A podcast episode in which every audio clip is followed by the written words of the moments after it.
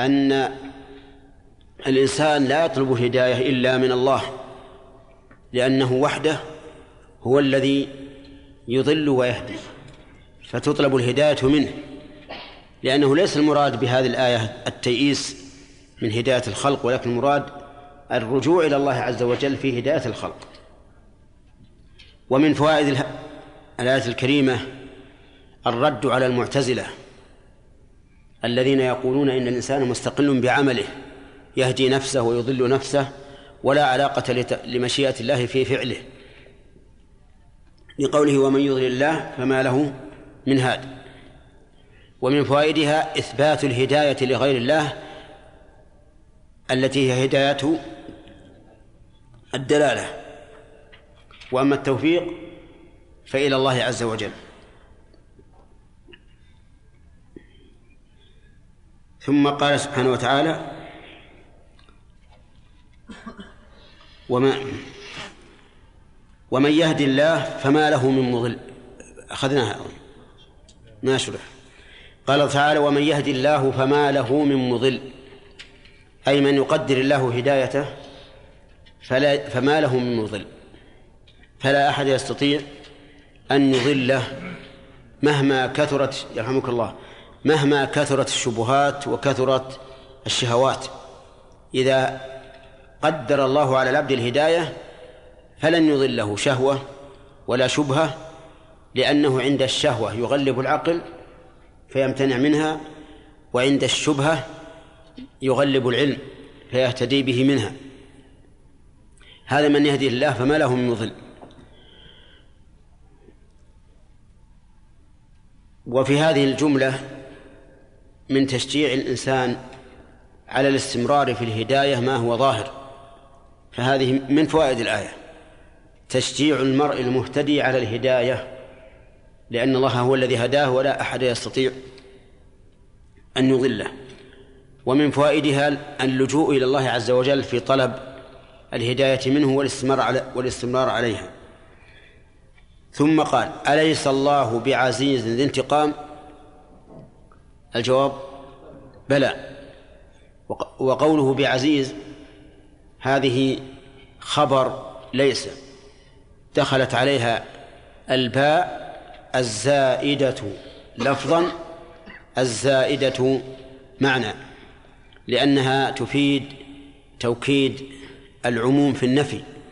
إذ أن النفي إذ أن النفي يفيد العموم. إذا أتت بعده إذا أتى بعده اسم النكرة لكن إذا دخلت الباء فإن حروف الزيادة من أحرف التوكيد كما ذكر ذلك علماء البلاغة. وقوله بعزيز قال المفسرون لأسماء الله الحسنى العزيز له ثلاثة معاني المعنى الأول عزة القدر والمعنى الثاني عزة القهر والمعنى الثالث عزة الامتناع.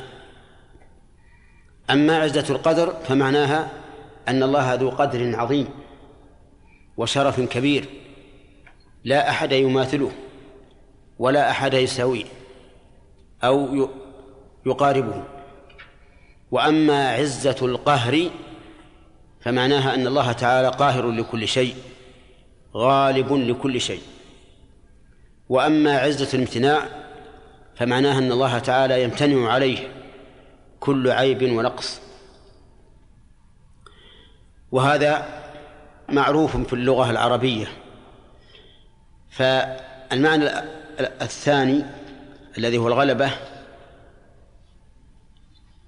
قال فيه الشاعر أين المفر والإله الطالب والأشرم المغلوب ليس الغالب؟ وأما الأول فق... ف... و... الذي هو عزة القدر فيقال هذا عزيز أي نادر أي نادر لا يوجد لا يوجد لشرفه وكرمه. وأما الثالث فقولهم أرض عزاز أي قوية صلبة يمتنع أو تمتنع أن تحفرها المعاول فالله عز وجل عزيز بهذه المعاني الثلاثة. الأول الأخ أي نعم.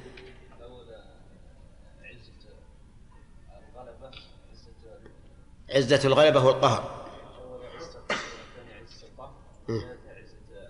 الامتناع. طيب.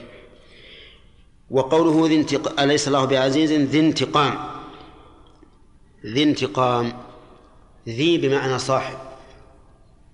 وانتقام نكرة والنكرة في سياق الإثبات لا تفيد العموم.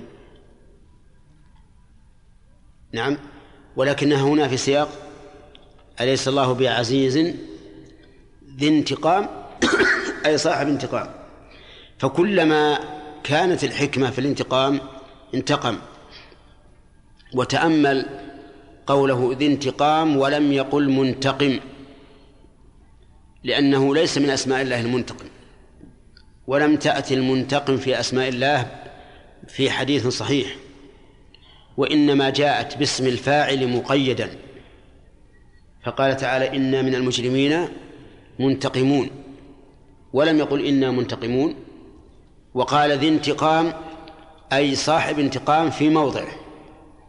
فالمنتقم ليس من من أسماء الله. حتى وإن قرنت بالعفو خلافا لما ذهب إليه بعض العلماء من أنه إذا قرنت بالعفو فلا بأس.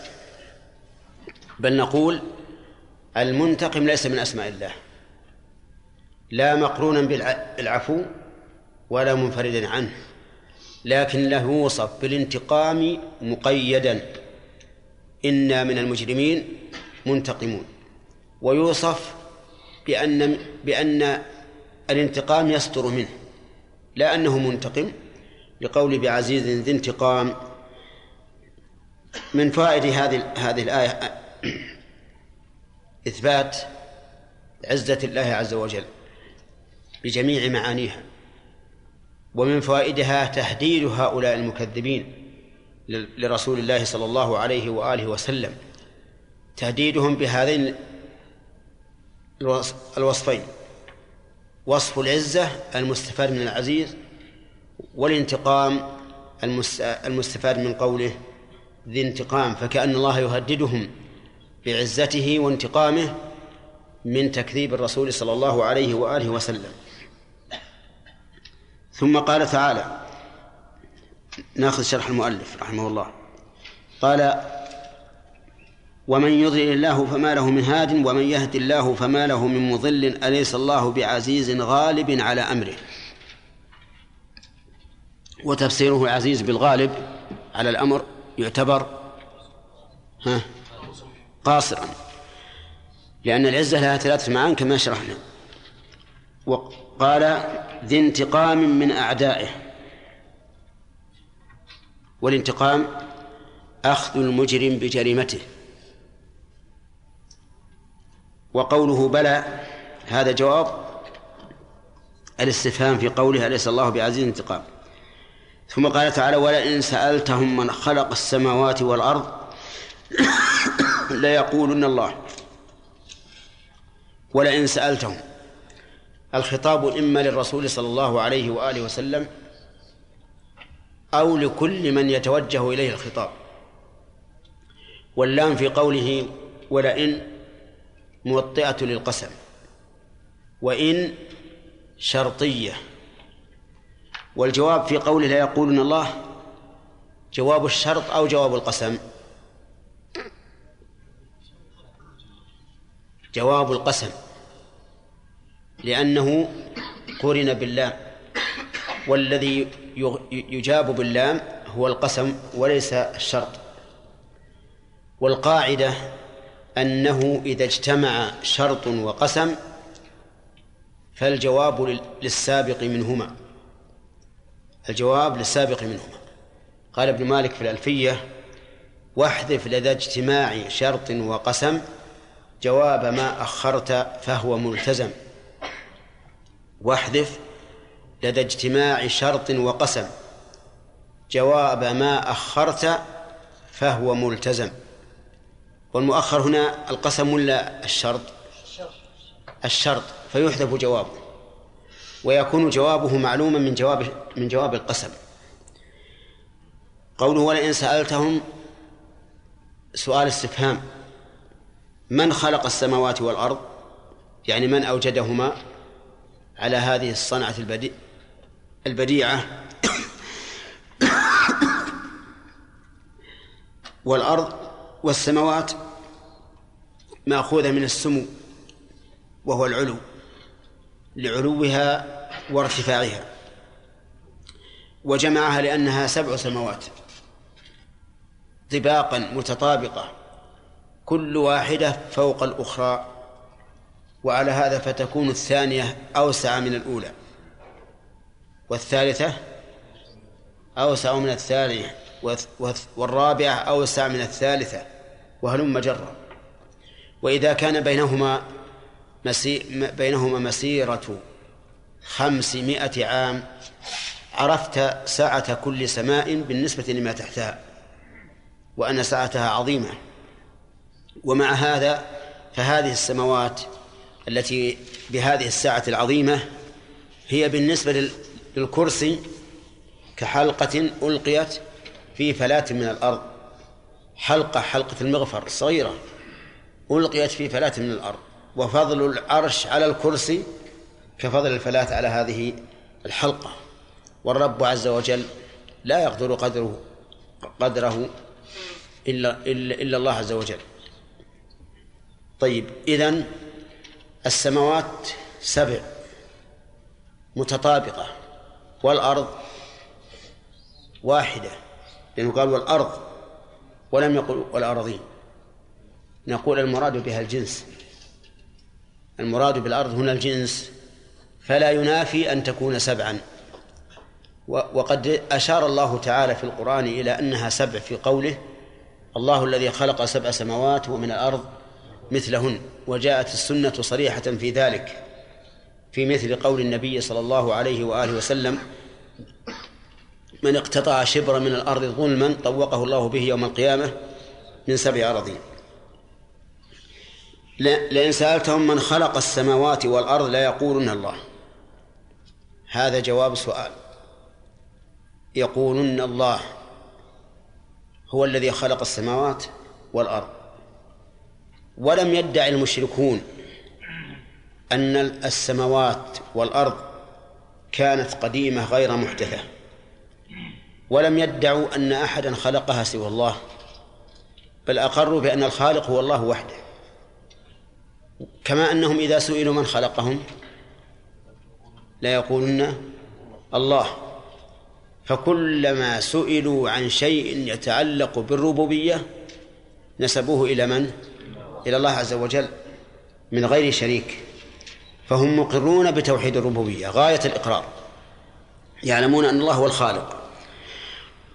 وقوله لا يقولن الله سأورد عليكم إشكالا في ضم هذا الفعل مع اتصال نون التوكيد به.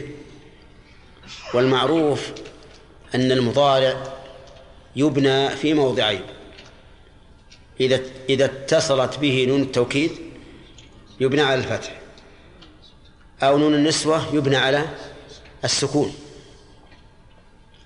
فلماذا هنا صار مضموما فؤاد؟ ها. عوضت عنها الضمة؟ الآن هو جماعة فقط. طيب. كم من المنصوب؟ إذن النون غير مباشرة للفعل. على هذا التقدير يكون بينها وبين الفعل واو الجماعة ونون الرفع فهي غير مباشرة حقيقة مباشرة لفظا والفعل يبنى مع نون التوكيد المباشرة لفظا وتقديرا أما هذه فهي في التقدير غير مباشرة ولهذا بقي الفعل معربا فيقال إنه مرفوع بالنون المحذوفة لتوالي الأمثال والواو المحذوفة لالتقاء الساكنين الساكنين فاعل. هكذا يعرب. لا يقولون الله. الله بالرفع. خبر مبتدا محذوف. أي هو الله. ويجوز أن تكون فاعلا لفعل محذوف. أي خلقهما الله ويجوز أن تكون مبتدأ والخبر محذوف. التقدير الله خالقهن خالقهما. والأمر في هذا واسع. باب الإعراب له وجوه. نعم. لا يقول الله قل أفرأيتم ما تدعون من دون الله؟ أروا إن أرادنا الله بضر هل هن كاشفات ضره؟ أو أرادني برحمة هل هن مسكات رحمته؟ يعني اسألهم سؤالا آخر إذا أقروا بأن الخالق هو الله قل لهم أخبروني ما تدعون من دون الله. تدعون يقول المؤلف تعبدون ويحتمل أن يكون المراد به دعاء أن يكون المراد به دعاء المسألة لأن الدعاء يطلق على معنيين المعنى الأول ها دعاء المسألة. والثاني دعاء العبادة. فمن الأول قوله تعالى هل من سائل فأعطيه هل من داع فأستجيب له. وقوله وإذا سألك عبادي عني فإني قريب أجيب دعوة الداعي إذا دعان. هذا دعاء مسألة. ومن الثاني وهو دعاء العبادة قوله تعالى وقال ربكم ادعوني أستجب لكم إن الذين يستكبرون عن عبادتي سيدخلون جهنم داخرين. هؤلاء القوم يدعون من دون الله. يدعونه يدعون من دون الله. دعاء مسألة أو دعاء عبادة. ها؟ نعم عام. يدعون من دون الله. دعاء مسألة ودعاء عبادة. أخبرونا عن هذه الأصنام التي تدعونها من دون الله؟ هل ينفعنا من دعاهن؟ من دعاهن؟ هل يجنبنا الضر؟ النفع هل يجلبنا النفع أو يدفعنا الضر؟ إن أرادنا الله بضر هل هن كاشفات ضره؟ إن أرادنا الله بضر هل هن كاشفات ضره؟ الجواب لا. لا لا يدفع الضرر إذا أراد الله. أو أرادني برحمة هل هن ممسكات رحمته؟ الجواب لا.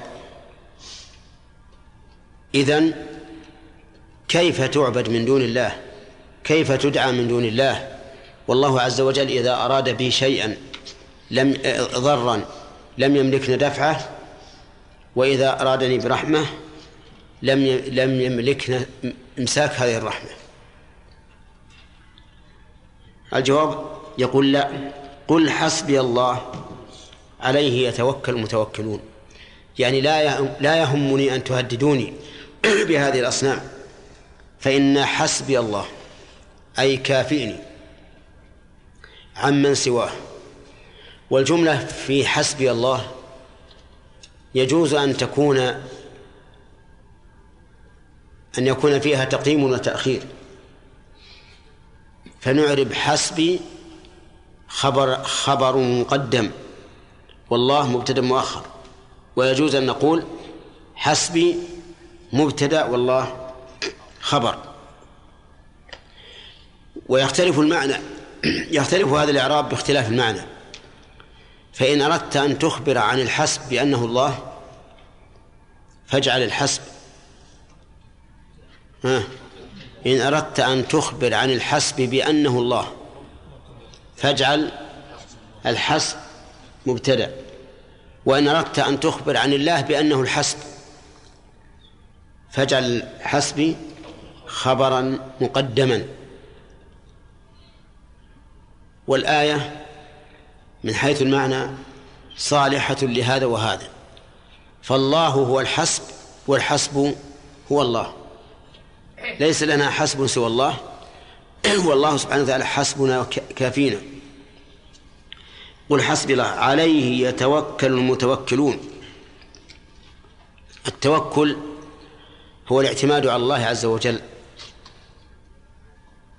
بجلب المنافع أو في جلب المنافع ودفع المضار مع الثقة بالله سبحانه وتعالى. هذا هو التوكل. الاعتماد على الله اعتمادا حقيقيا صادقا في جلب المنافع ودفع المضار مع الثقة به.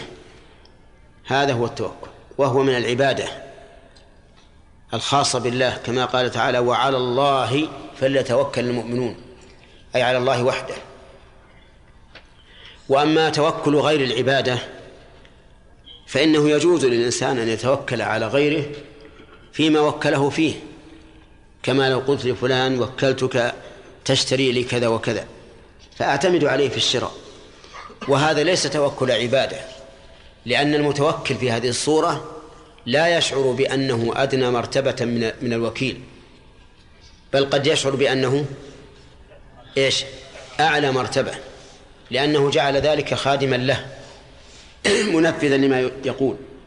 أما التوكل على الله فإنك تتوكل على الله معتقدا في نفسك أنك مضطر إليه وأنه سبحانه وتعالى هو الذي بيده تصريف أمورك. فتتوكل عليه رغبة ورهبة وتقربا إليه. ولهذا نقول هل يجوز أن أقول توكلت على فلان؟ الجواب إن كان ذلك على وجه العبادة فهذا حرام شرك. وإن كان على وجه الإنابة أي أنبته منابي فيما وكلته فيه فهذا لا بأس به ولا حرج. وكان النبي عليه الصلاة والسلام يوكل أصحابه في قبض الزكوات وتصريفها وغير ذلك. نرجع إلى كلام المؤلف رحمه الله يقول المؤلف ولئن سألتهم لا مقسم. سألتهم من خلق السماوات والأرض لا يقولن الله. قل يعني إذا أقروا بهذا الإقرار أفرأيتم ما تدعون تعبدون من دون الله أي الأصنام؟ يعني أخبرونا عنها عنها. إن أرادني الله إن أرادني الله بضر هل هن كاشفات ضرة؟ الجواب؟ يقول لا. أو أرادني برحمة. هل هن ممسكات رحمته؟ لا. وفي قراءة بالإضافة فيهما. أي في قوله كاشفات وفي قوله ممسكات. فنقرأ على هذه القراءة. هل هن كاشفات ضره؟ هل هن ممسكات رحمته؟ والقراءتان سبعيتان. ومن قاعدة المؤلف في هذا الكتاب أنه إذا قال وقرئ فهي شاذة وإذا قال وفي قراءة فهي سبعية. فليعرف هذا الاصطلاح حتى لا يلتبس. إذا قال قرئ فهي قراءة شاذة لا يقرأ بها وإذا قال وفي قراءة فهي سبعية يقرأ بها. قال قل حسبي الله عليه يتوكل المتوكلون. قال يثق الواثقون. في هذه الآية فوائد. أولا إقرار هؤلاء المشركين بالربوبية. لقوله ولئن سألتهم من خلقهم لا يقول خلق السماوات والأرض لا يقولون الله. ومن فوائدها أن الإقرار بالربوبية لا ينفع العبد ولا يدخله في الإسلام. ودليل ذلك أن النبي صلى الله عليه وآله وسلم قاتل هؤلاء المقرين بالربوبية واستباح دماءهم ونساءهم وأموالهم. ولو كان الإقرار بالربوبية نافعا لكان لكانت دماؤهم معصومة وأموالهم معصومة وأهلوهم معصومين. طيب ومن فوائد هذه الآية الرد بل الإبطال لما عرف المتكلمون به التوحيد. لأن عامة المتكلمين إذا فسروا التوحيد قالوا إنه ثلاثة أنواع. التوحيد في ذاته وفي صفاته وفي أفعاله. هكذا يقولون. توحيد الله ثلاثة أنواع. توحيده في ذاته وتوحيده في صفاته وتوحيده في أفعاله. فيقولون هو هو واحد في ذاته. لا لا قسيم له. واحد في ذاته لا قسيم له. ويعنون بذلك أنه ليس له وجه وليس له يد وليس له عين وما أشبه ذلك. يقول لو قلنا إن له هذه الصفات لزم أن يكون ذا أعضاء وهو سبحانه وتعالى لا يتقسم فهو واحد في ذاته لا قسم له واحد في أفعاله لا شريك له لواحد في أفعاله لا شريك له. ثم يجعلون هذا النوع من التوحيد هو توحيد الألوهية. فيقولون معنى قول القائل لا إله إلا الله أي لا قادر على الخلق والاختراع إلا الله. الثالث واحد في صفاته لا شبيه له. كلام ظاهره فيه الرحمة وباطنه من قبله العذاب. ماذا يعنون بقولهم لا شبيه له؟ أي لا صفات له. لأنهم يعتقدون أن كل من أثبت لله صفة فهو مشبه فهو واحد في صفاته لا شبيه له. هذا التنويع لو قرأته على عامي ماذا يقول عنه؟ ها؟ يقول ما أحسنه. ما أجمله. واحد في ذاته لا قسم له سبحانه وتعالى ويسبح ويهلل. واحد في أفعاله لا شريك له كذلك. لكنه لا نعم. واحد في صفاته لا شبيه له كذلك. لكن لا يدري أن وراء الأكمة ما وراءها. يريدون بقولهم واحد في ذاته لا لا قسم له أي ليس له صفات هي بالنسبة إلينا أعضاء. مثل ها؟ اليد والوجه والعين والقدم والساق. واحد في أفعاله لا شريك له. يريدون بذلك أن هذا هو معنى لا إله إلا الله. ولو كان هذا معنى لا إله إلا الله لكان المشركون الذين قاتلهم الرسول صلى الله عليه وآله وسلم ها؟ مؤمنين موحدين. وهم كانوا إذا قيل لهم لا إله إلا الله يستكبرون ولا يقبلون هذا ويقولون أجعل الآلهة إله واحد فتأمل كيف كان المشركون في الجاهلية يفهمون من التوحيد ما لا يفهمه هؤلاء المتكلمون. عرفت وقد ذكر العلماء كشيخ الإسلام ابن تيمية وغيرهم وغيره هذا المعنى. وقالوا المشركون خير في فهم التوحيد من هؤلاء المتكلمين. لأن هؤلاء المتكلمين جعلوا التوحيد هو توحيد الربوبية فقط. وهذا لا ينكره المشركون. يقرون به. وينكرون توحيد الألوهية. لأنهم يعرفون أن معنى لا إله إلا الله لا معبود حق إلا الله. يعرفون هذا. أما أولئك المتكلمون فإنهم لا يقيمون للألوهية وزنا. يجعلونها بر لا يدخلونها في أنواع التوحيد. واحد في صفاته لا شريك له لا شبيه له. ماذا يعنون؟ يعنون تعطيل الصفات لأنهم يدعون أن كل من أثبت لله صفة فهو مشبه. فتبين بهذا بهذه الآية تبين بها الرد على أولئك المتكلمين الذين يجعلون توحيد الألوهية هو توحيد الربوبية. ويأتي إن شاء الله بقية الكلام عليه.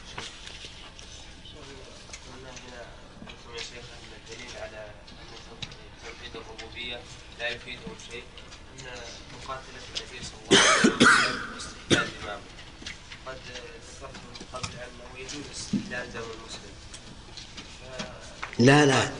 مقاتلة المسلم ليست كمقاتلة الكافر. مقاتلة المسلم تقاتله لأنه أخل بشعيرة من شعائر الإسلام. ولا تستبيح نساءه وذريته وأرضه.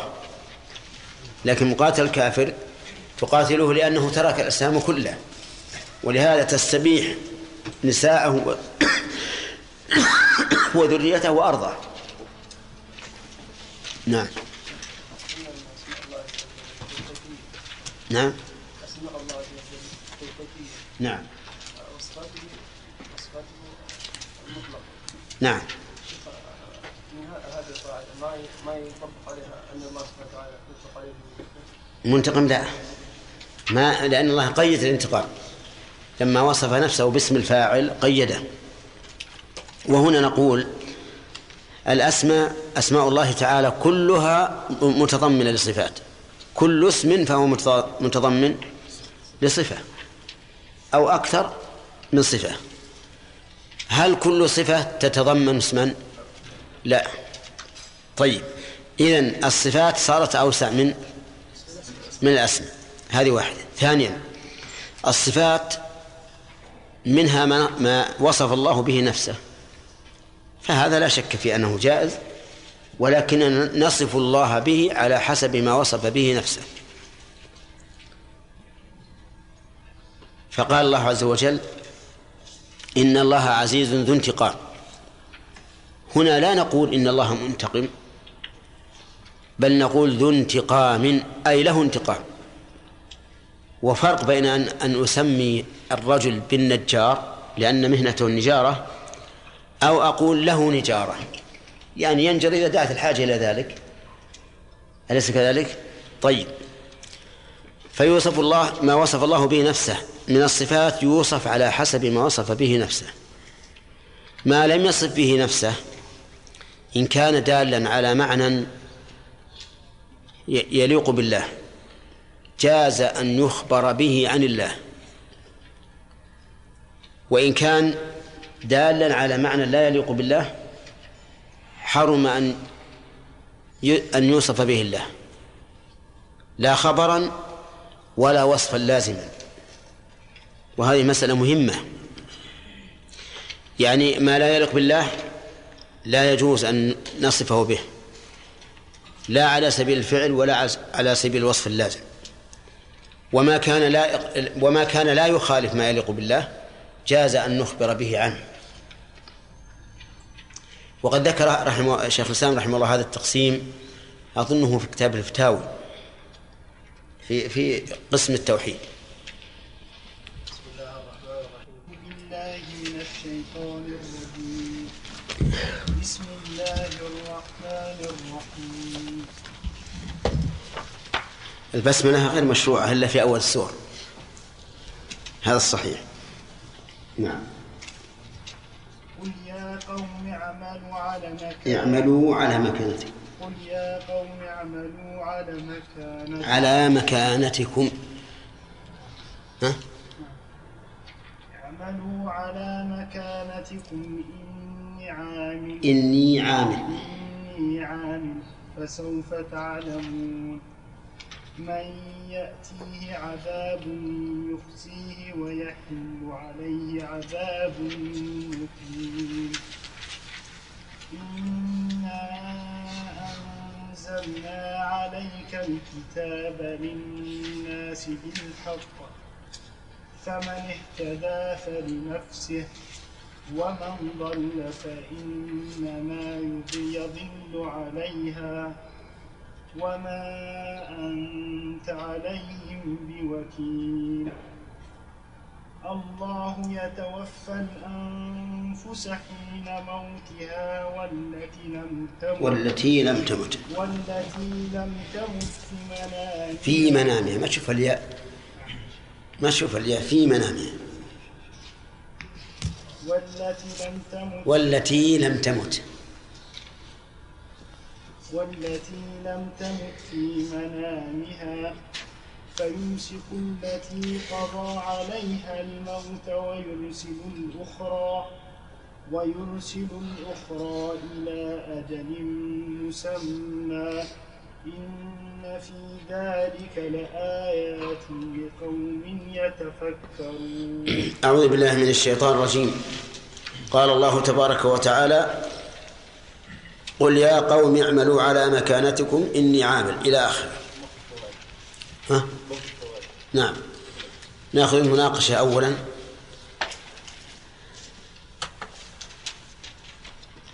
في قوله تعالى أليس الله بعزيز الانتقام؟ تقرير لصفتين من صفات الله. ما هما؟ صفة العزة. نعم. وصفة الانتقام. نعم. أحسنت. هل يوصف الله بالانتقام على سبيل الإطلاق؟ السؤال هل يوصف على سبيل الإطلاق؟ لا. لا. وإنما يوصف مقيد. طيب. آه، هات لي آية فيها تقييد الانتقام. عندك. نعم. تقييد تقييد. نعم.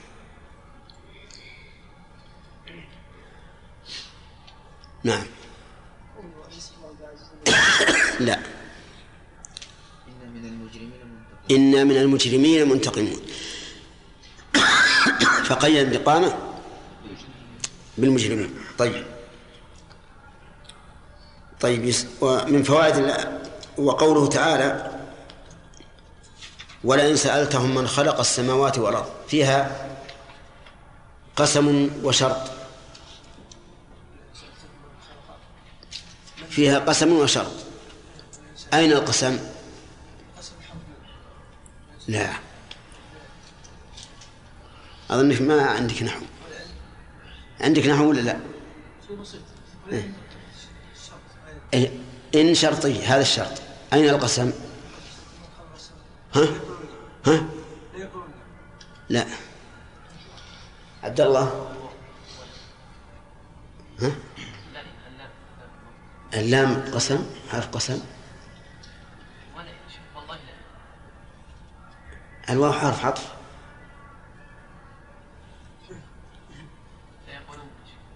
هذا جواب القسم. اللام القسم نعم إذا فالقسم مقدر. كذا؟ التقدير والله دائم. طيب ما الذي وجد آه، جواب الشرط أم جواب القسم الذي وجد جواب الش- الشك جواب الشرط. بدأ الدليل. لا. أين الجواب؟ أين الجواب حتى نعرف؟ ولئن سألتهم من خلق السماوات والأرض لا يقولون الله. أين الجواب؟ لا يقولون الله. طيب. الذي وجد الآن تقول إنه جواب الشرط. فما دليلك على أنه جواب الشرط؟ إنه قدر. لام القسم. ها. جواب نعم. الأخ. طبعا جواب القسم هو الوارد وليس جواب الشرط. الموجود جواب القسم. نعم لأنه اصبر اصبر. الموجود جواب القسم. ما دليلك على أن جواب القسم؟ لأنه هو المتقدم. والملك يقول وحده. لا اصبر اصبر جزاك الله خير. إلى الآن ما بعد. آه، لأنه هو المتقدم هذا الحكم. لكن ما الدليل على أن الموجود لا يقولون هو جواب القسم؟ لأن لأن اللام توضع القسم سبقت الشرط وهو إن سلامك. ال- لأن جواب القسم يكون لا يكون مقترن باللام. لا يقولون جواب القسم لا يكون مقترن بال جواب الشرط لا يكون مقترن باللام. جواب القسم يكون مقترن أحسنت. الدليل أنه اقترن أن الجواب مقترن باللام. ولا يقترن باللام إلا جواب القسم. أما جواب الشرط فيقترن بإيش؟ بالفاء. تمام. هل لديك علم لأنك أنت ترغب أنك تذكر الشاهد من كلام ابن مالك؟ فقط كان الإجابة. آه ماذا قال ابن مالك؟ يقول واحد واحد لدى اجتماع شرط منقسم جواب ما أخرت فهو؟ ملتزم. طيب. صح. قوله سبحانه وتعالى قل أفرأيتم ما تدعون من دون الله إن أرادني الله الرؤية هنا بمعنى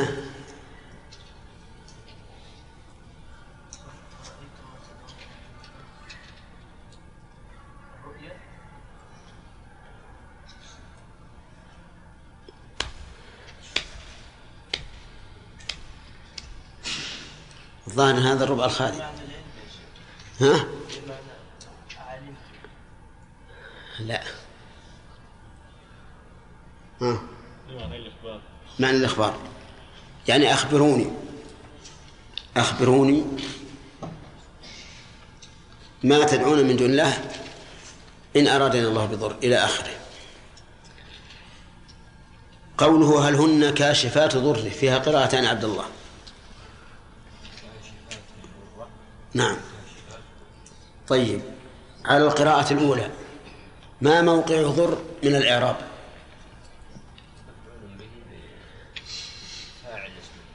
مفعول اسم الفاعل كشفات. وممسكات. فيها القراءتان. طيب. لا. نعم. قوله تعالى قل حسبي الله. عبد المنان الجملة هنا اسمية أو فعلية.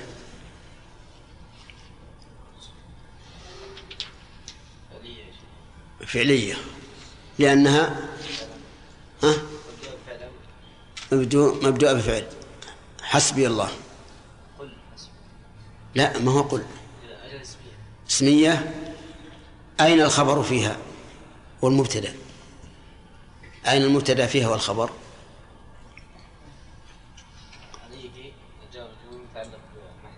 وين؟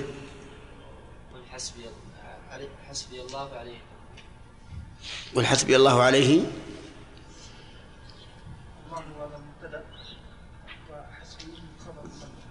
نعم. ما فيها وجه آخر؟ أو حسبي يعني طيب كيف يعني تجعل هذا خبر مرة وتجعله مبتدأ مرة. إن أردت ها؟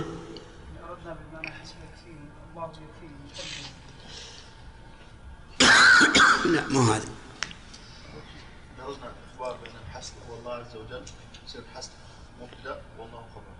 يعني إن أراد الإخبار عن الحسب بأنه هو الله. صارت حسب؟ نعم. وأن عز وجل هو يصير نعم. أحسنت. صح. هل تفيد الآية وجوب إفراد الله بالتوكل؟ عبد الله. بأي طريق؟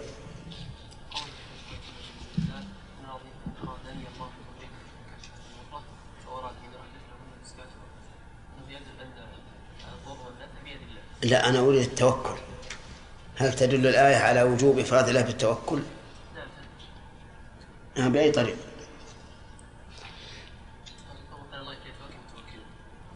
على الله ما ما أمامي على الله. عليه يتوكل المتوكلون. طيب ما طريق ذلك؟ لأن الحصر له له طرق. أحسنت. تقديم المعمول عليه تمام. أخذنا من الفوائد الآن؟ ها؟ وش أخذنا؟ إقرار هؤلاء المشركين بالربوبية. الإقرار بالربوبية لا ينفع العبد ولا يدخله في الإسلام. أتوقع بل الاقرار مما عرف به المتكلمون التوحيد. ومن كان انواع ها؟ كان انه تعريف المتكلمين له أي نعم. وبيان بطلانه. طيب. من فوائد الآية الكريمة أن ما يعبد من دون الله لا ينفع لا ينفع عابده بجلب نفع ولا بدفع ضر. لقوله أرأيتم ما تدعون من دون الله؟ إن أرادني الله بضر هل هن كشفات ضره؟ أو أرادني برحمة هل هن ممسكات رحمته؟ ومن فوائد الآية الكريمة إثبات الإرادة لله. في قوله إن أرادني أو أرادني. وإرادة الله عز وجل تنقسم إلى قسمين. إرادة شرعية وإرادة كونية قدرية. إرادة شرعية وإرادة كونية قدرية.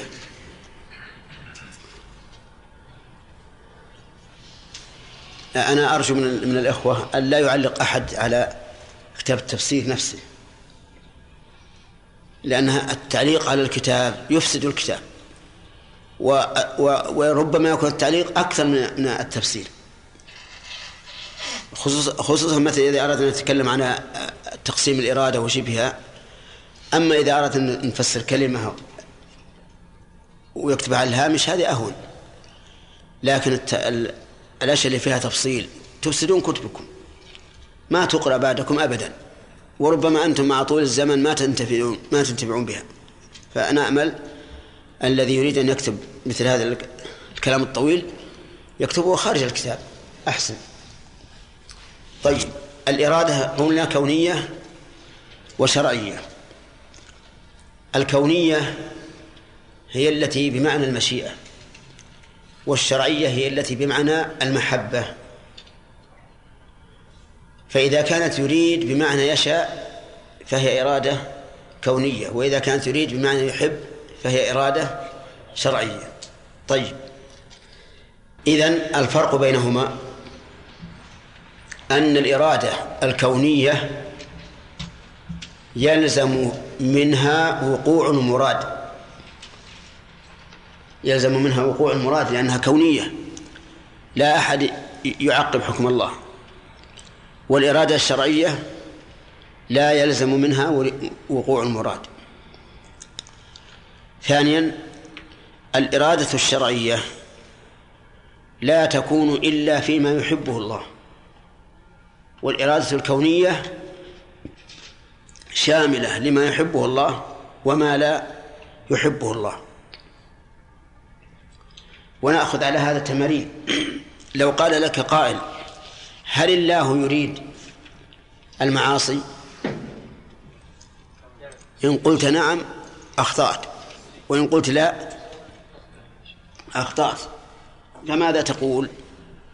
نقول بالإرادة الكونية نعم يريدها. ولم تقع المعاصي إلا بإرادته. وبالإرادة الشرعية لا. لأن الله يكره المعاصي. أفهمتم الآن؟ وبهذا التفصيل تزول إشكالات كثيرة في المعاصي هل هي مرادة لله أو غير مرادة؟ نقول هي مرادة بالإرادة ها غير مرادة بالإرادة الشرعية. فإن قال قائل كيف يريدها الله وهو لا يحبها؟ قلنا نعم. هي مرادة لغيرها. هي مرادة لغيرها. بمعنى محبوبة لغيرها. محبوبة لغيرها أي لما تؤدي إليه؟ من المصالح العظيمة.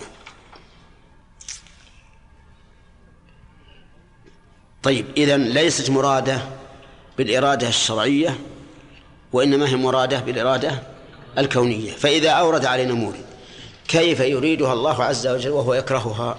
فالجواب أن نقول يريدها ويكرهها لكونها مرادة لغيرها لكونها مرادة لغيرها.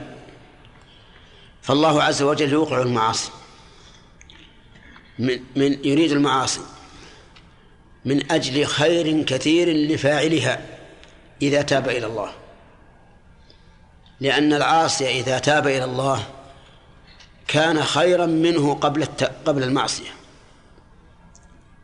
والدليل على هذا أن أن آدم عصى ربه وغوى وتاب إلى الله وبعد توبته اجتباه وهداه.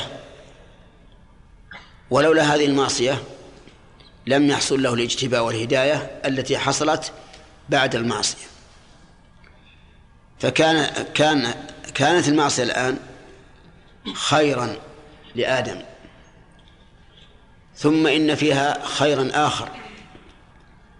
الإنسان العاصي إذا عصى الله عرف قدر نفسه وخجل من ربه واستصغر كل عمل خير يفعله لأنه يذكر يذكر معصيته دائما بين عينيه. لكن إذا لم يعصي ربما يشمخر ويعلو بأنفه ويعجب بنفسه ويقول أنا ما عصيت الله أبدا وما أشبه ذلك ثم يحبط عمله من حيث من حيث لا يشعر طيب. ها- ها- ها- هاتان اثنتان. مصلحتهما لمن؟ للعاصي هناك مصلحة ثالثة لعامة الناس. لولا العصيان ما قام الأمر بالمعروف والنهي عن المنكر. لأن الناس لو كانوا كلهم على البر والمعروف فبأي شيء نأمر وبأي وعن أي شيء ننهى.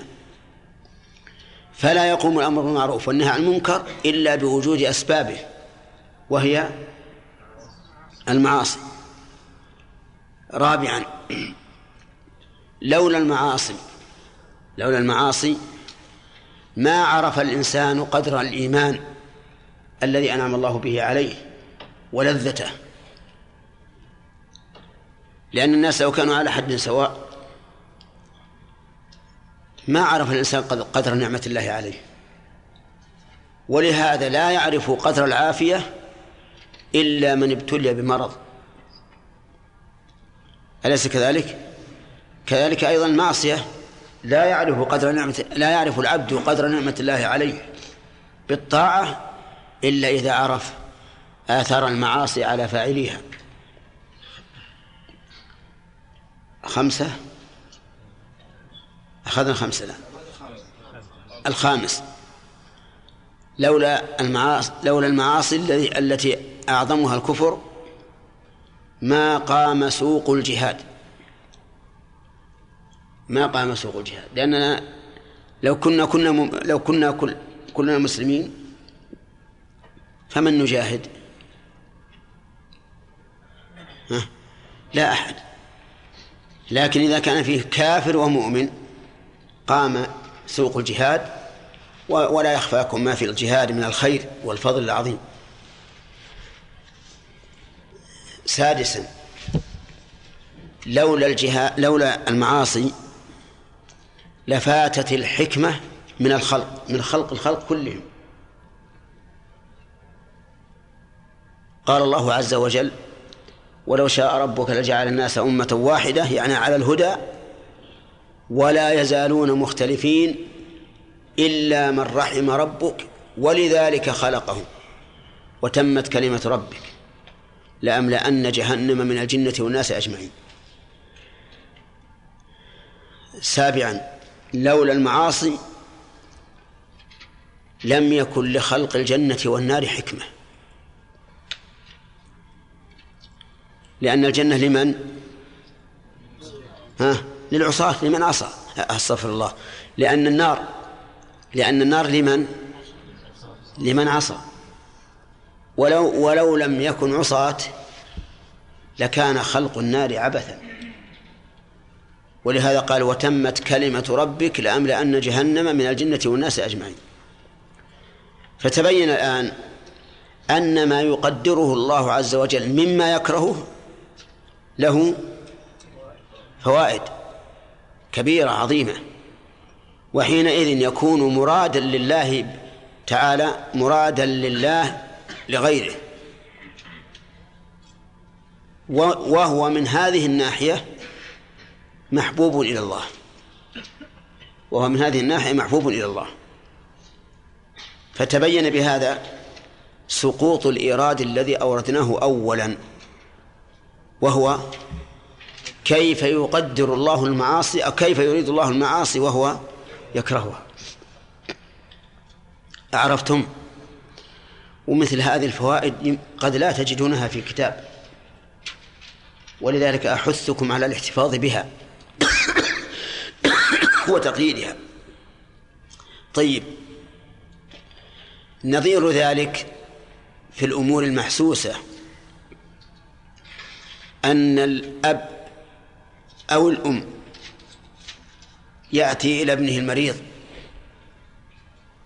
فيكويه بالنار. وتؤلمه وتحرق جلده. لكن لماذا؟ لطلب الشفاء. فكيه مكروه غير محبوب الله. لكنه محبوب لإيش؟ محبوب لغيره. أي لما ينتج عليه من عنه من المصالح. وبهذا تبين أنه لا مانع من أن يكون الشيء مكروها من وجه إيش؟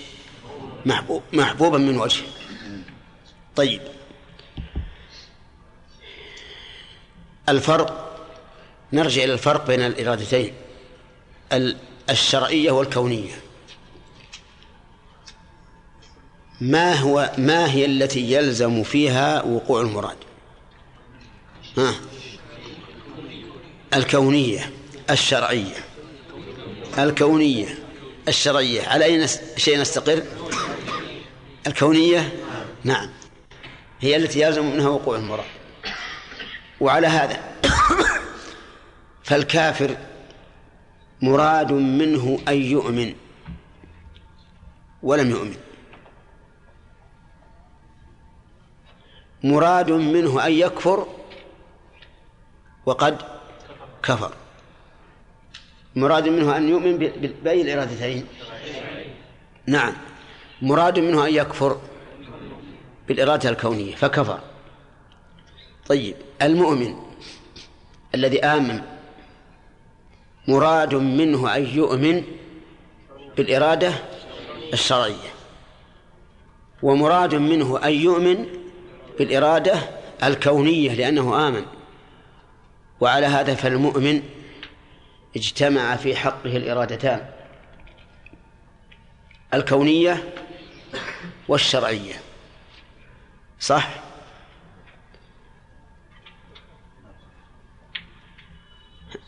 متأكدون؟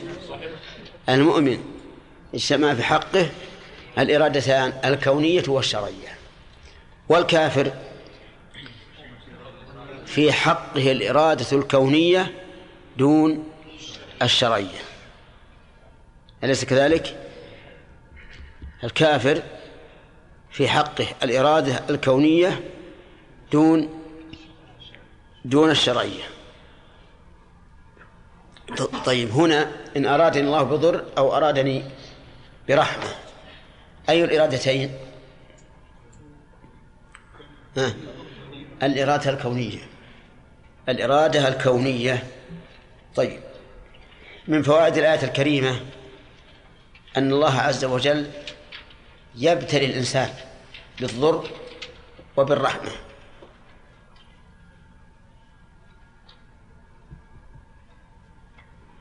نعم. وهو كذلك. يبتليهم بالضر ويبتليه بالرحمة.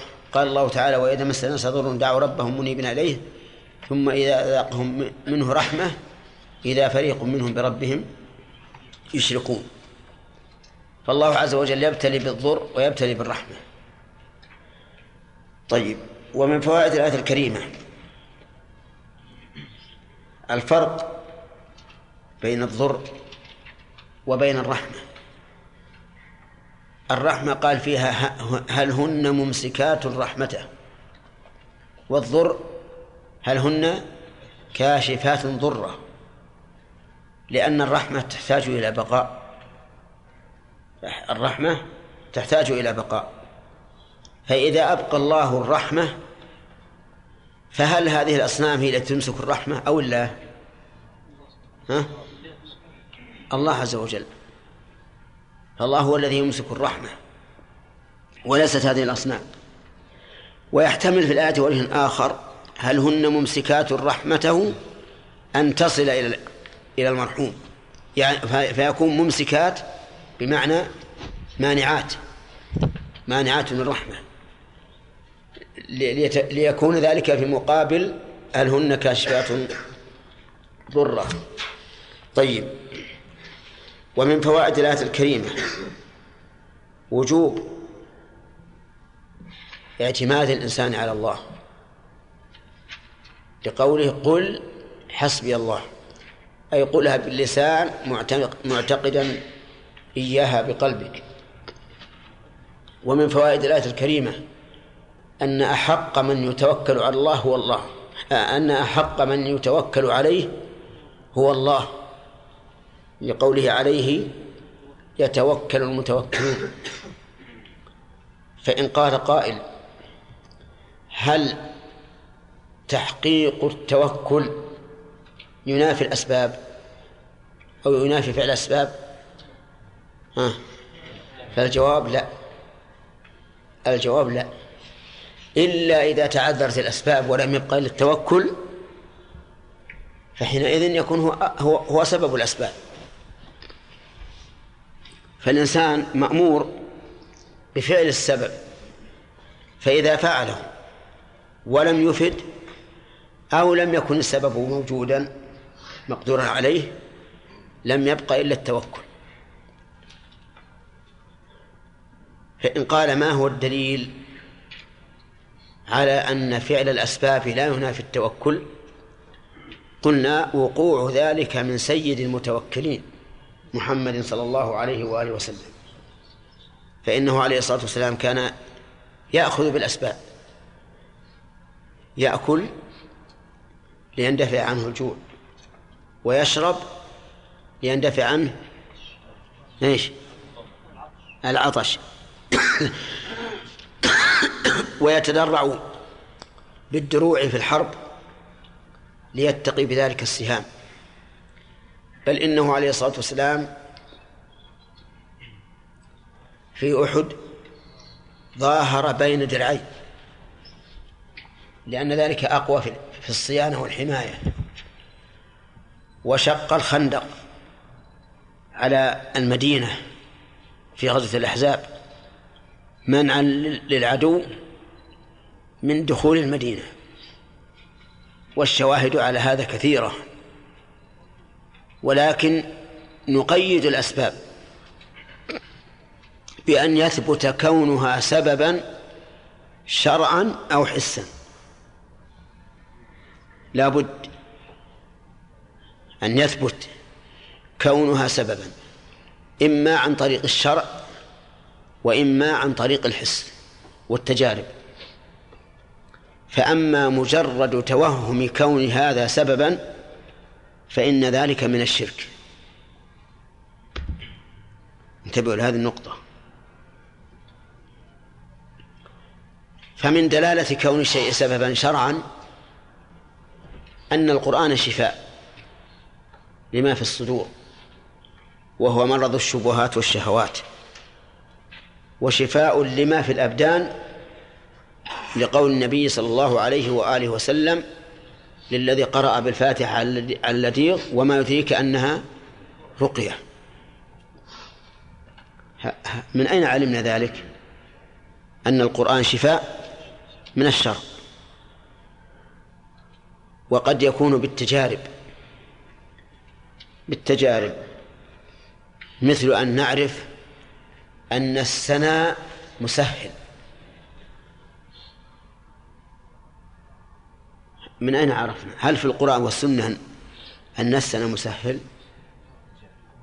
ها؟ لكن بالتجارب. السنة السنة. آه. السنة يسمى بلغتنا ما أدري أنتم عن لغتكم. في القصيم يسمونه السناوين مثنى وهو سنة واحد لكنه نوع من الأوراق. أوراق الشجر المعروف يشبه السدر. إذا دق ونقع في الماء لمدة عشرين ساعة أو نحوها. وشربه الإنسان فإنه يسلت ما في بطنه من الأذى ويسهل. وله رائحة كريهة لكن الناس يجعلون معه بصلا ليعمي رائحته.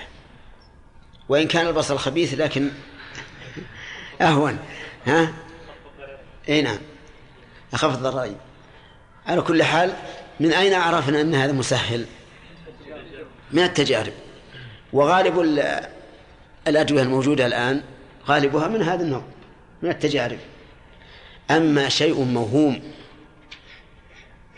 فهذا لا, لا يجوز اعتماده. لا يجوز اعتماده. بل بل هو نوع من الشرك. التولة شرك. لماذا؟ لأنه لم يثبت كونها سببا. لمحبة الرجل لزوجته أو الزوجة لزوجها لا شرعا ولا قدرا. يعني ولا ولا حسا قصد. ولا حسا.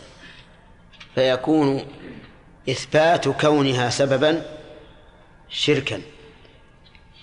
لأنك أثبتت ما لم يثبت الله. فكأنك جعلت نفسك مثل الله في إثبات الأسباب ومفعولاتها. عرفتم؟ طيب.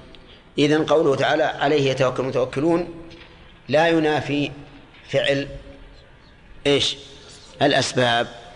بل الأسباب من التوكل في الواقع. ولهذا قال عمر بن الخطاب رضي الله عنه لأبي عبيدة بن الجراح لما قال أفرارا من قدر الله قال نفر من قدر الله إلى قدر الله. والله أعلم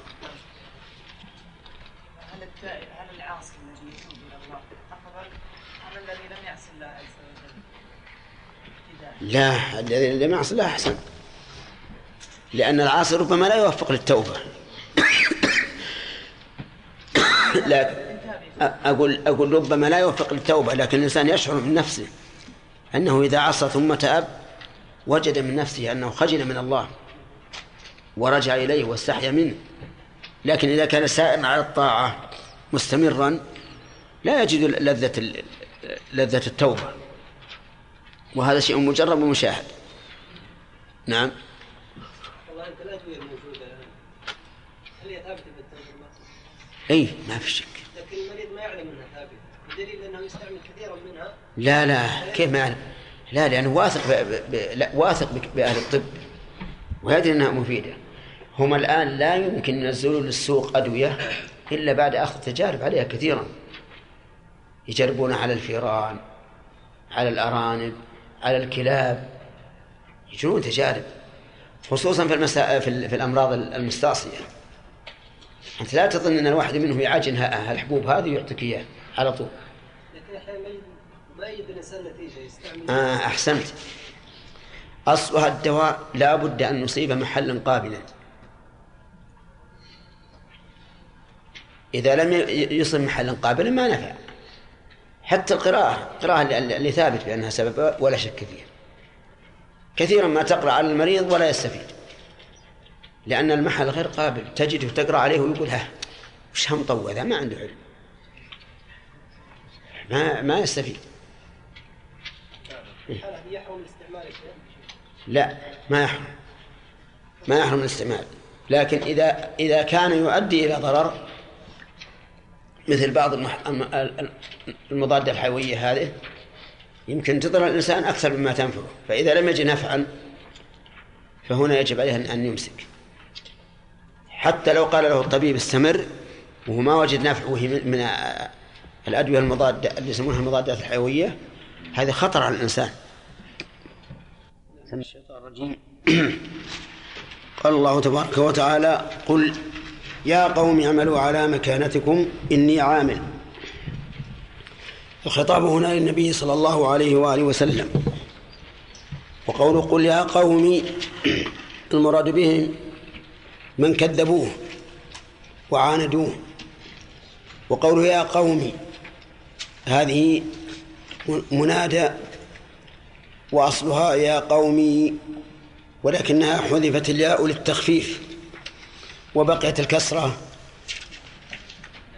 دليلا عليها وعليه فنقول في إعرابها قوم منادى منصوب بفتحة مقدرة على ما قبل المتكلم المحذوفة للتخفيف.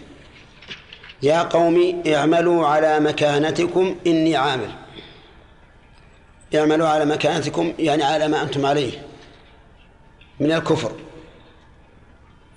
والعداوة. والإيذاء فإن ذلك لا يهمني ولن يمنعني من أن أستمر في عملي. ولهذا أكد قوله إني عامل يعني عامل على ما أنا عليه. فأنتم اعملوا ونحن سنعمل. وهذا كقوله تعالى وانتظروا إنا منتظرون إني عامل فسوف تعلمون من يأتيه عذاب يخزيه. سوف تعلمون هذه جملة محققة لدخول سوف عليها. فإن سوف تحقق الجملة كما تحققها السين. لكن الفرق أن السين تفيد ذلك عن قرب وسوف تفيده عن مهلة. ولهذا يقال السين للتنفيس وسوف للتسويف أي التأخير والتنفيس القرب. فسوف تعلمون من يأتيه من؟ هذه مفعول تعلمون. والعلم هنا بمعنى المعرفة. ولهذا لا تنصب إلا مفعولا واحدا كما قال ابن مالك لعلم عرفان وظن تهمة. تعدية لواحد ملتزمة لعلم عرفان وظن تهمة تعدية لواحد ملتزمة. يقول تعلمون أي تعرفون من يأتيه عذاب يخزيه أي ستعلمون الذي يؤتيه يأتيه عذاب يخزيه. العذاب هنا العقوبة والخزي معناها الذل والعار. ويحل عليه عذاب مقيم. أي ينزل عليه عذاب مقيم لا يفارقه. سوف تعلمون هذا. هل هو نحن أم أم أنتم؟ ولكنهم سوف يعلمون ذلك في وقت لا يتمكنون فيه من الخلاص. وإنما ينادون بالويل والثبور والعياذ بالله. إذا من نعربها على أنه مفعول. تعلمون. الأول أو الثاني؟ ليس فيه أول ولا ثاني. لأن علم هنا بمعنى عرف لأن يعلمون هنا بمعنى يعرفون.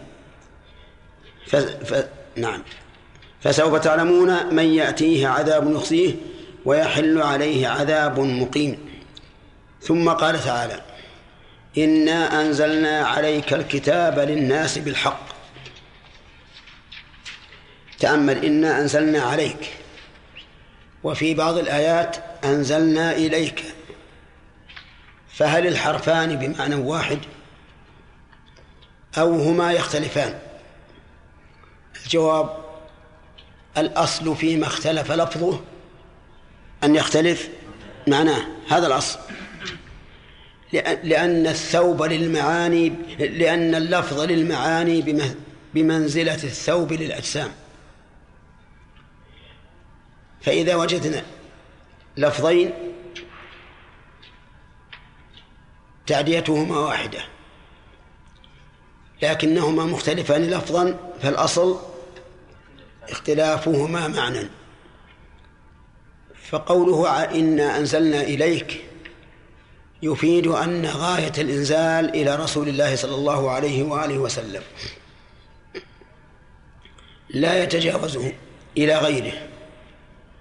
وقوله عليك يفيد أن الإنزال استعلى النبي صلى الله عليه وآله وسلم حتى تشربه كأنه نزل في نفس الرسول عليه الصلاة والسلام. ألم ألم تقرأ قول الله تعالى نزل به الروح الأمين على قلبك ولم يقل إلى قلبك. هذا هو الفرق.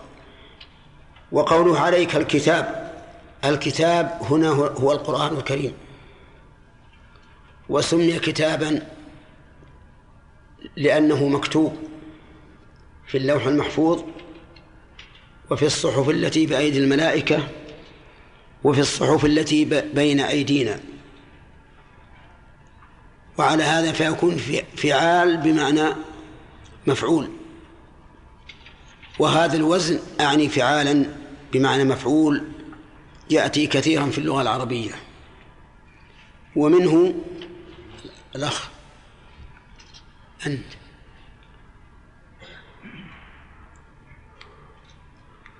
نعم وشان فراش بمعنى مفروش.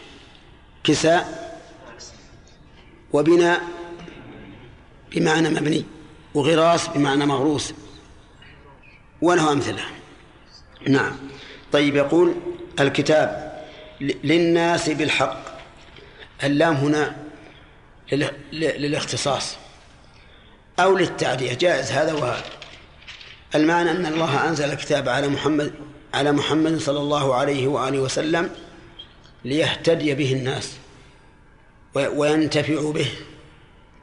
والأمر كذلك. فإن الناس انتفعوا بهذا القرآن انتفاعا لا يماثله انتفاع. ف فالأمة القرشية كانت لا تساوي شيئا عند عند الأمم. وكانوا أذلة وكانوا فقراء. لهم رحلة إلى الشتاء إلى إلى الشام في الصيف وإلى اليمن في الشتاء لأنهم ليس عندهم حركة ولا تجارة ولا ولا أموال.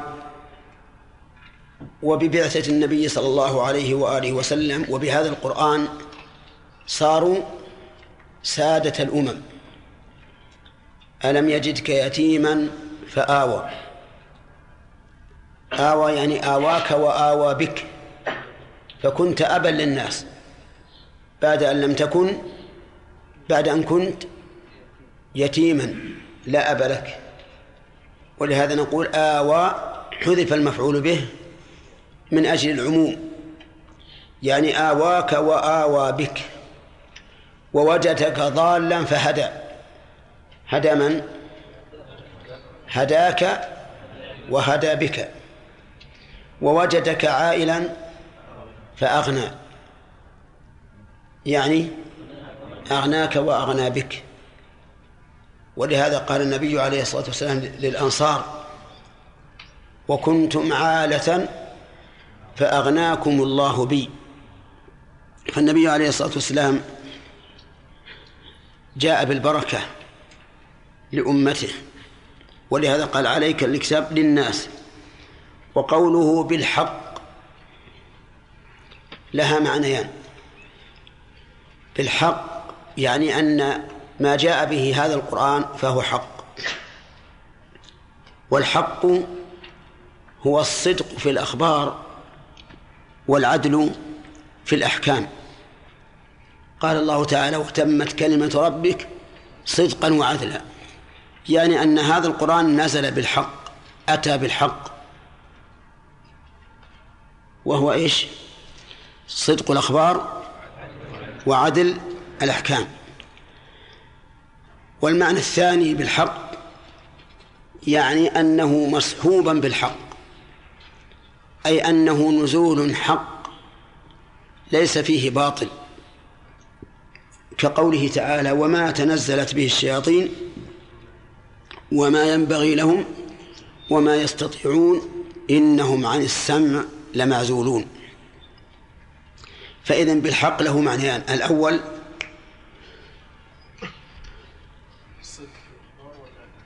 نعم يعني أن ما جاء به حق. والثاني يعني لا هذا يعود على المعنى الأول. ها يعني أن نزوله حق ليس بباطل. فإنه لا لا يعتريه الباطل لا يأتيه الباطل من بين يديه ولا من خلفه. وتلوت عليكم قوله تعالى وما تنزلت به الشياطين وما ينبغي لهم وما يستطيعون إنهم عن السمع لمعزولون بخلاف أخبار الكهان. أخبار الكهان كلها من الشياطين. إنا أنزلنا عليك كتابا الناس بالحق. فمن اهتدى فلنفسه. ألف هذه مفرعة على ما سبق. يعني بعد نزول هذا القرآن انقسم الناس فيه إلى قسمين. قسم اهتدى به فانتفع وقسم ضل عنه فهلك.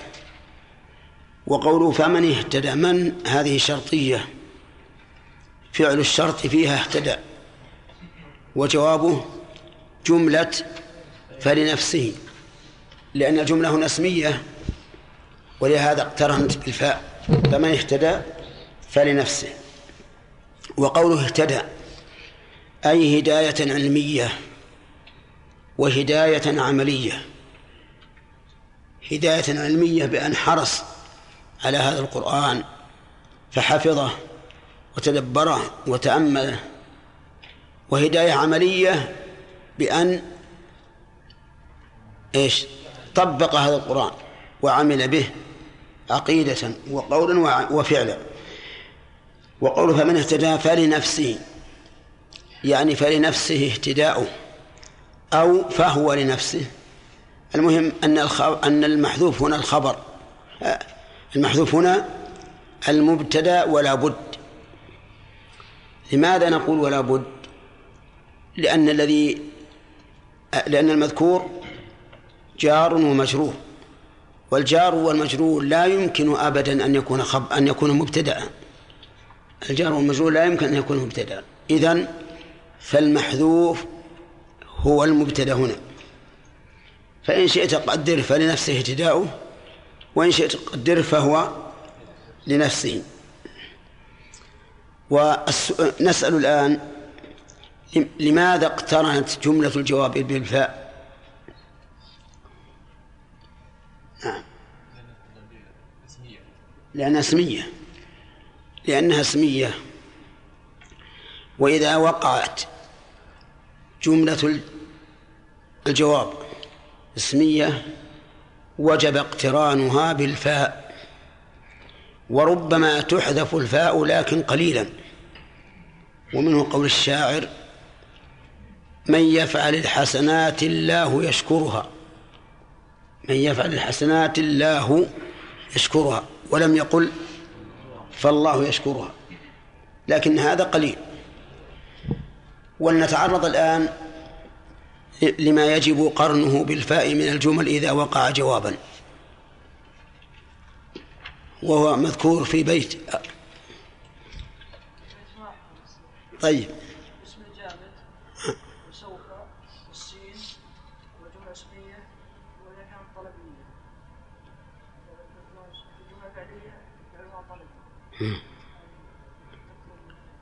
طيب هذه خمسة لكن احفظ البيت عشان تكمل.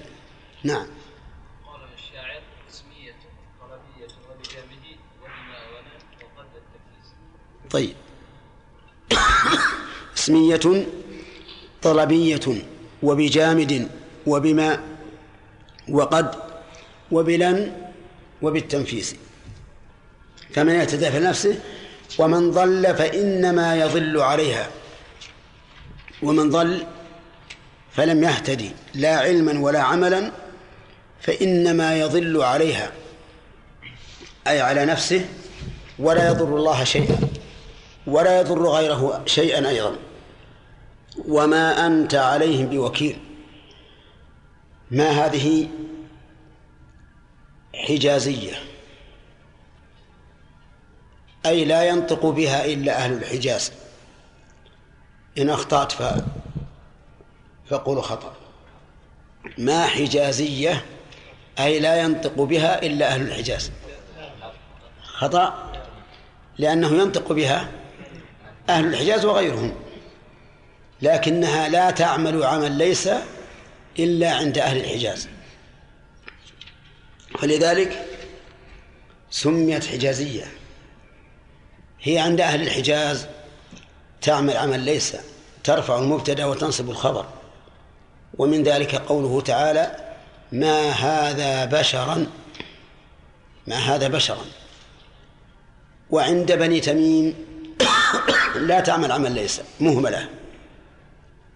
فيقولون في قوله تعالى ما هذا بشرا يعني في غير القرآن ما هذا بشر الآن سأتكلم فقولوا أنت حجازي أو تميمي. ما ما زيد قائم؟ تميمي أي نعم تميمي. ما زيد قائما؟ حجاز طيب. إذا لغة قريش وهم أهل الحجاز يقول ما هذا بشر؟ وبني تميم يقول ما هذا بشر؟ وكانوا يقرؤون القرآن ما هذا بشر؟ قبل أن يوحد على لغة قريش. لأن القرآن أنزل على سبعة أحرف. وفيه بيت طريف. قال فيه الشاعر ومهفهف الأعطاف. قلت له انتسب. فأجاب ما قتل المحب حرام. ومهفهف الأعطاف. قلت له انتسب. يعني من أين أنت؟ فأجاب ما قال أنا من فلان من من آل فلان أو آل فلان. فأجاب ما قتل المحب حرام. وش يكون؟ تكون هذه المرأة تميمية. لأنها قالت ما قتل المحب حرام. إذا عرف أنها تميمية. في وقتنا الآن هل نعرف التميمي من القرشي؟ ها؟ اندمج الآن. كل تميمي وكل قرشي. تجد هذا يقول ما هذا بشر وهذا يقول ما هذا بشر وهذا يقول يختلفون كلهم اختلطوا. طيب. يقول الله عز وجل وما أنت عليهم بوكيل. إذا هل نعرب الآن ما على لغة بني تميم أو على لغة قريش؟ على لغة قريش مع أن مع أن اللفظ لا يختلف. في هذا التركيب لا يختلف اللفظ. لأن بني تميم يقولون ما أنت عليهم بوكيل. وكذلك قريش. لكن لعلمنا أن القرآن على لغة قريش نقول إن ما هنا حجازية وأن اسمها والتل الخطاب والباء حرف جر زائد وكيل خبرها منصوب بفتحة مقدرة على آخره منع من ظهورها اشتغال المحل بحركة حرف الجر الزائد. فإن قال قائل قلت إن الباء حرف جر, حرف جر زائد. ونحن نعلم أن القرآن الكريم ليس فيه لغو والزيادة لغو. فالجواب على هذا أن نقول الزيادة لغو إذا لم تفد معنى. فإن أفادت معنى فليست لغوا. والمعنى الذي تفيده هنا توكيد النفي توكيد النفي. وعلى هذا فليست لغوا بل هي زائدة زائدة. صح؟ زائدة لفظا. زائدة معنى يعني تزيد في المعنى تزيد المعنى. لكن قد يقول قائل كيف؟ زائدة زائدة. نقول زائدة الأولى من زاد اللازم. من زاد اللازم. وزائدة الثانية من زاد المتعدي. لأن زاد مثل مثل نقص تستعمل لازمة لا تتعدى للمفعول وتستعمل متعدية للمفعول. قال الله تعالى فزادهم إيمانا. متعدية. ثم لم ينقصوكم شيئا. متعدية. وتقول زاد إيمان الرجل لازمة. وتقول نقص الماء لازمة. وما أنت عليهم بوكيل. يعني لست لست عليهم بمراقب. تراقبهم وتحافظ عليهم. وإنما ذلك إلى الله. أنت عليك البلاغ والحساب على رب العباد عز وجل. نرجع الآن إلى كلام المفسر رحمه الله. يقول قل يا قوم اعملوا على مكانتكم على حالتكم. فالمكانة بمعنى الحالة. وكما ذكرنا بالتفسير المكانة أي ما كنتم عليه. أي ما كنتم عليه. وهي بمعنى الحالة في كلام المفسر. إني عامل على حالتي. إني عامل على حالتي من أين فهم أن التقدير على حالتي لأنها مقابل لقوله اعملوا على مكانتكم. يعني إني عامل على مكانتي. طيب. إني عامل فسوف تعلمون من يأتيه عذاب يخزيه ها المكانة ولا على مكانتكم كيف؟ مكانتي. لا هو على على حالتي. لا تقدير على مكانتي. فسوف تعلمون من يأتيه عذاب يخزيه. يقول من موصولة؟ مفعول للعلم. ها؟ كيف؟